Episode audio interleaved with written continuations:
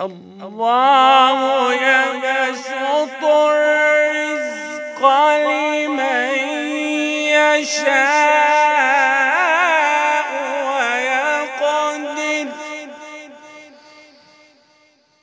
وفرحوا بالحياة